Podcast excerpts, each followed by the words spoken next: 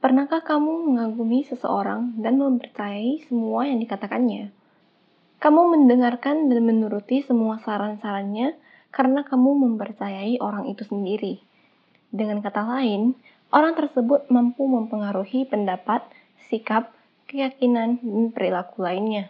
Orang tersebutlah yang disebut sebagai opinion leader. Lalu, apa itu key opinion leader? Singkatnya, key opinion leader adalah orang yang memiliki keahlian di bidang tertentu dan pendapatnya didengarkan oleh orang banyak. Apa sih karakteristik dari seorang opinion leader? Opinion leader cenderung memiliki pendidikan formal, status ekonomi, dan wawasan yang lebih tinggi daripada masyarakat biasa. Mereka juga lebih inovatif dan memiliki kemampuan empati yang lebih besar.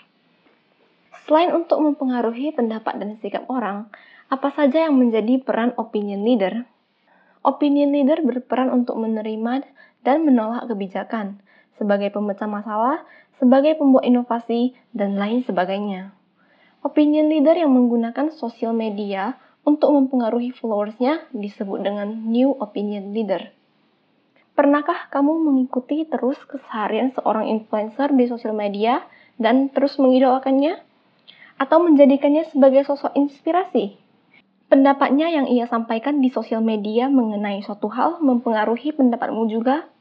Itulah yang disebut sebagai new opinion leader. New opinion leader memiliki berbagai macam sebutan tergantung dengan sosial media. Di Instagram kita menyebutnya selebgram, di YouTube kita menyebutnya YouTuber, dan di TikTok kita menyebutnya TikTokers. Dan di sosial media lainnya memiliki sebutan yang berbeda. Sekian penjelasan singkat mengenai opinion leader yang mungkin dampaknya tidak kamu sadari di kehidupan sehari-hari.